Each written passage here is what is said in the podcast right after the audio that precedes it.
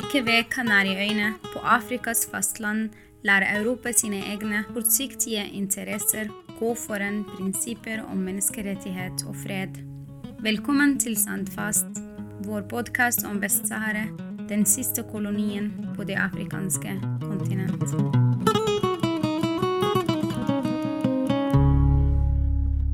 13.11 ble våpenhvile mellom Marokko og Vest-Sahara brutt, for første gang på tre tiår.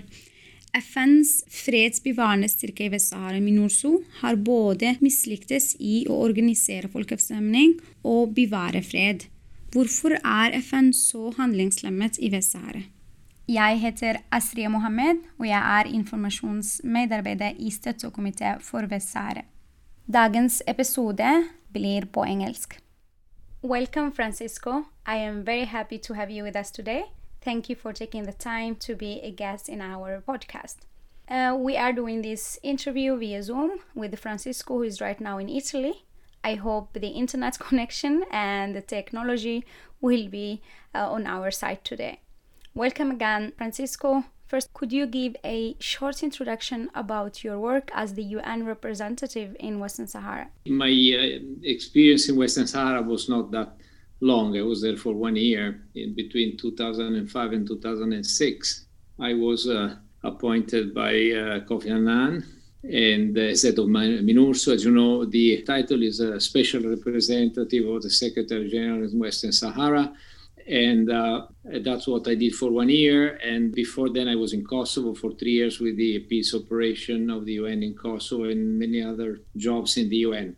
I was there for one year only because after one year, I was not really convinced of the uh, activities of the mission. The engagement of the UN, in my view, was utterly inadequate. So I, I uh, resigned from the job. So basically, that's the story of my association with Western Sahara. But after I left, of course, I uh, continued to keep a very keen interest on the question of uh, Western Sahara, on the cause of the people of Western Sahara, uh, been more active in some ways with the Western Sahara cause after I left the UN and during that one year. But of course, I'm ready to share the details of that experience because I think that although that was uh, quite a few years ago, the nature of the activity of MINURSO continues to be by and large the same. So I think that my experience continues to be uh, relevant.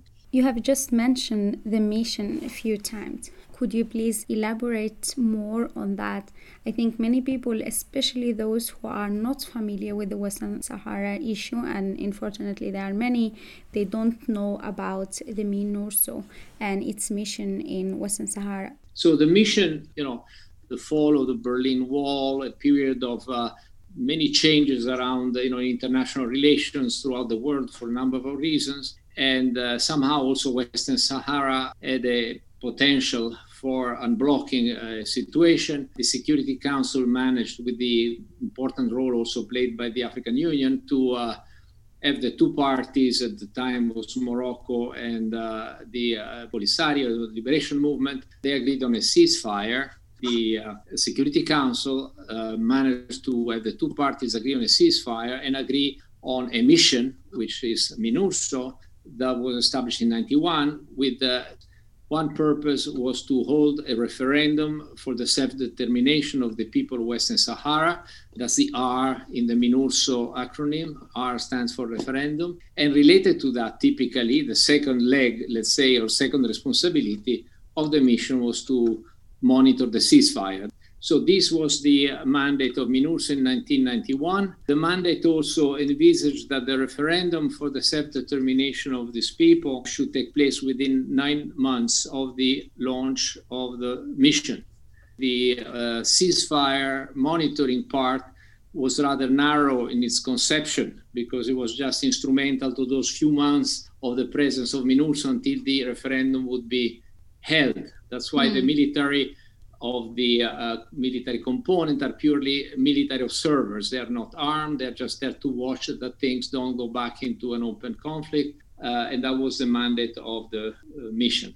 The first concept is that um, in terms of the Charter of the United Nations, in terms of the uh, you know uh, declaration on the uh, independence of colonial countries and people of the 1960s in relation to the big movement of decolonization that took place in Africa and elsewhere in the 60s and 70s of last century, Western Sahara is the typical case of decolonization. This has been recognized by the International Court in 75. There are constant reiteration of this in many there are over 100 resolutions of the United Nations Council, General Assembly, saying that the people of Western Sahara are a colonial people. They have a right, basic, inalienable right to self determination. From a, a legal point of view, the case is utterly clear. And also, another thing that should be kept in mind is that the responsibility to ensure that this happens rests squarely with the United Nations. Five months ago, the ceasefire ended in Western Sahara. The war started again. Human rights violations are worse than ever. There is no special envoy to Western Sahara. The United Nations role in Western Sahara is weaker than any time before how did we end up in this situation? I mean, did you see this coming? Well, it's not a very complicated matter. It's a very long story. Mm. It's a tragic story. It's deeply unlawful and, and, in many ways it costed a lot of suffering. But in the, in its essence, it's a fairly simple situation. Basically, uh, there is this uh, basic right of the people of Western Sahara. Is a process of decolonization uh, this has been recognized, as I say, by not just international courts, the European Court, many national, uh, uh, you know, tribunals have been involved in this. Now, why the UN has not fulfilled its obligation in complying with these principles of international law? Basically, the reason is fairly simple. Throughout the years, very powerful members of the United Nations have uh, refused, let's say, to force Morocco, which illegally occupies this territory to comply with the UN Charter and allow for a referendum for the self determination of people Western Sahara. So, whenever the matter comes up, uh, you know, and Morocco refuses, then these countries stand by Morocco. They impede the UN to force a rightful path towards self determination. Which countries are hindering self determination and why? There are few countries that are interested in the question of Western Sahara. These countries are very influential on the organizations, and uh, uh, many other countries are really not interested or engaged in this. So, who are the countries that really protect Morocco and allow Morocco to refuse the fulfillment of this obligation? These countries are well represented by what is called a group of friends of the Secretary General in Western Sahara. This is an informal group of people, of countries that whenever the Western Sahara question comes up in the UN, prepare in advance discussion, prepare draft the resolutions, decide what the UN will or will not approve concerning the question of Western Sahara. And these countries are France, in, the, in this group of friends, that is France, United Kingdom, United States, uh, Spain, and Russia. Now, leaving aside Russia, that is there for as a member of the Council, but basically all the other countries, for different reasons, are very keen in avoiding any problem to the uh, Moroccan authorities, to the kingdom, for different reasons, you know, maybe economic reasons. For Spain, is a matter of controlling migration that goes through Morocco. There are fisheries, uh, there are economic interests. There's a question of uh, illegal drug trade and things in which Morocco is partnering with Spain. For France, there is a sort of historic alliance with Morocco that is an influential partner in, you know, francophone crescent of, uh, of uh, Western Africa that historically has been supporting the French agenda. So for France, is more uh, strategic in its French, uh, let's say, neo-colonial outlook in that part of Africa. For the Americans, Morocco has been a strategic ally. You know, Morocco has been the first country really to engage with with Israel. You know, still from the time of the Cold War and so on. So uh, America also sees this as a key partner in the region. Because of all this, uh, these countries avoid forcing Morocco to comply. This is half of the problem. The second half of the problem is uh, vis-a-vis these few influential countries that protect Morocco's interest. The other half of the responsibility is all, all other members of the organization because that allow this situation to continue in this way. In other words, it's not just those countries that obviously and for obvious reasons of national interest don't want to push Morocco in the right direction, but then there are dozens of other countries that either because they're not interested, they have other priorities within the UN, other interests, or they're colluded. And frankly, even some African countries, in other words, countries that are in very good relation with these powerful friends of Morocco, can be the United States, can be France. On the one hand, to try to turn around a bit these uh, supporters of Morocco, find, bring them gradually to see the light. But also, in my view, as important, if not more important in some respect, is to draw in new countries within the UN system, convince them to engage on this issue convince them to do the right thing.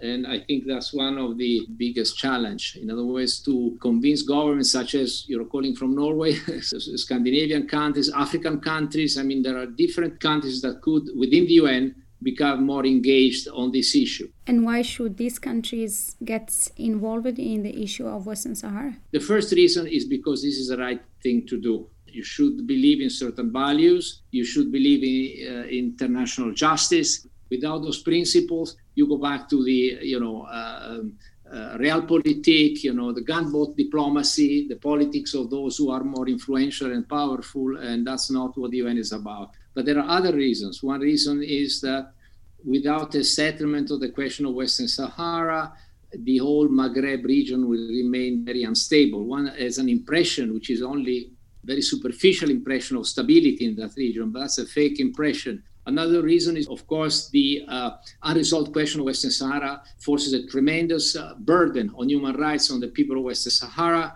whether they are living under the joke of the occupying Moroccan uh, authorities or they lead a miserable miserable life on the refugee camps. So there is a kind of daily violation of basic human rights of hundreds of thousands of people.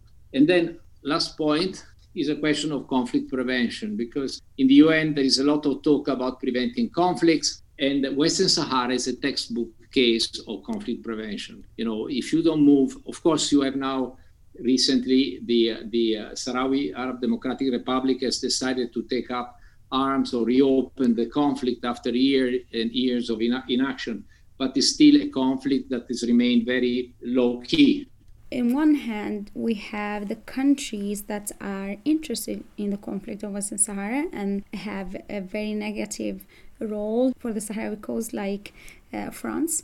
Uh, on the other side, we have other countries which are not involved, countries that should be more interested in the conflict of Western Sahara.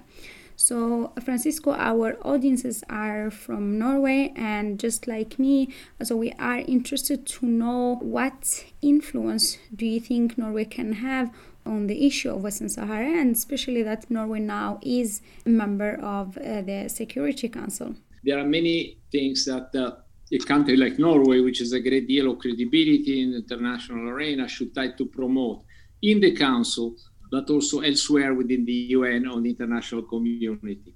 One could be knowing that this uh, tremendous difficulty over the question of referendum, there are many other things that can be pursued in the meantime. So, even leaving aside, without prejudice, the uh, countries like Norway, non aligned countries, a number of countries also in Africa, and some of them are now moving, should say, let's at least start getting some information on what's happening. At the moment, there is a whole series of obligation that the international community has under the Chapter 11 of the UN Charter toward non-self-governing territories. It's called a sacred obligation. Now, the Charter said until a people are free to exercise their right to self-determination, the international community has an obligation, an obligation towards them in terms of protecting them, promoting their health, education, protecting their freedoms. In all other non-self-governing territories, this is done by what's called a you know administering power. In Western Sahara is the only case in the world where there is no administering power because Spain left, refused to do it. Morocco, of course, is an illegal presence. You cannot have Morocco to protect the interest of the people of Western Sahara because they are the oppressors. So here there's a huge gap is a gap whereby the UN, the Security Council, international community does not really have regular, neutral, super partes information as to what the hell is happening to these people, whether they are under occupation, whether they are in the camps, how is it going? How is it going in terms of repression? How is it going in freedoms, freedom of expression? How is it going in terms of health, education, institution building? All those items listed in the UN Charter. So countries like Norway could say, look, shouldn't the UN step in, fill that vacuum, fill that obligation that exists under the UN Charter to provide periodic information the health condition. Now you have COVID in the camps, for instance, or you have COVID, I'm sure, also in the occupied territory. Mm. How is it going? So yeah, the UN should not should engage in this, fill that vacuum, and there are ways of doing it. Need not be a decision of the Security Council, it can be a decision of the General Assembly to periodically report on the condition of the people of Western Sahara. First, you need to know what's happening, then you can protect, then you can promote. Of course, there is information coming out, but it's not it doesn't have the UN seal, you know, of neutrality. It's not ongoing. It's not a regular uh, reporting obligation. The UN is like a piano. You know, there are many keys to play. Of course, the uh, Security Council is extremely important because it's the political organ, and it will look at the final political settlement. But there are in the United Nations a lot of other committees where these topics can be pursued. You don't need to have, even for human rights, you don't need to convince the Security Council to change the mandate of MINURSO. But you can ensure that the General Assembly, where it's much easier, there is no veto, there are almost 200 members, there are countries that are sympathetic to the question of Western Sahara. They will not need to take a position on the referendum, but they can easily, in my view, agree that the Secretary General should report on what's happening. The friends of the Sahrawis should put forward, you know, the question of the rights of these people pending self-determination. So this is uh, one thing that a country like Norway could uh, um, could promote. Why is it important to know what is happening to the people of Western Sahara? First of all, for humanitarian reasons, human rights, development, health, education. Secondly, because by doing this, we will recognize that there is a responsibility of the international community.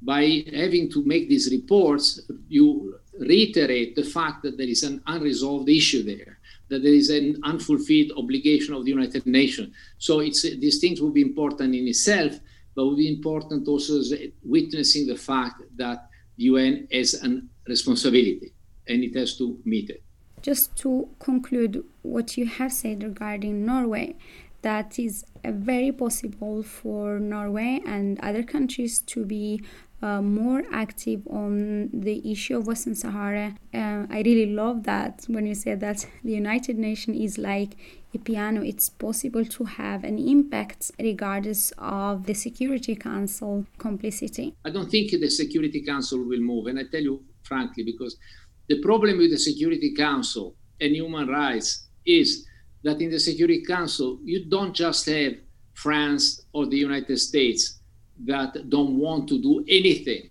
but also you have countries like Russia and China who might not care that much for Western Sahara, but do not want the UN to mix in human rights issue.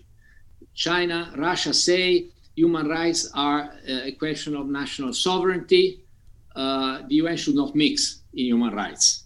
You see it in uh, Myanmar with the Uyghurs, in uh, China, you know, with uh, so it's not just uh, Western Sahara. It's that as a matter of principle, they don't like the UN to put its nose into human rights issue. Okay, so the problem with the Council is complicated. So it's um, there is an, a kind of profound reason also to um, support this uh, particular cause for the Sahrawis, but also for all those who believe in the UN, an international system which is just and equitable. You have to support this uh, particular um, cause that is so important to all of us.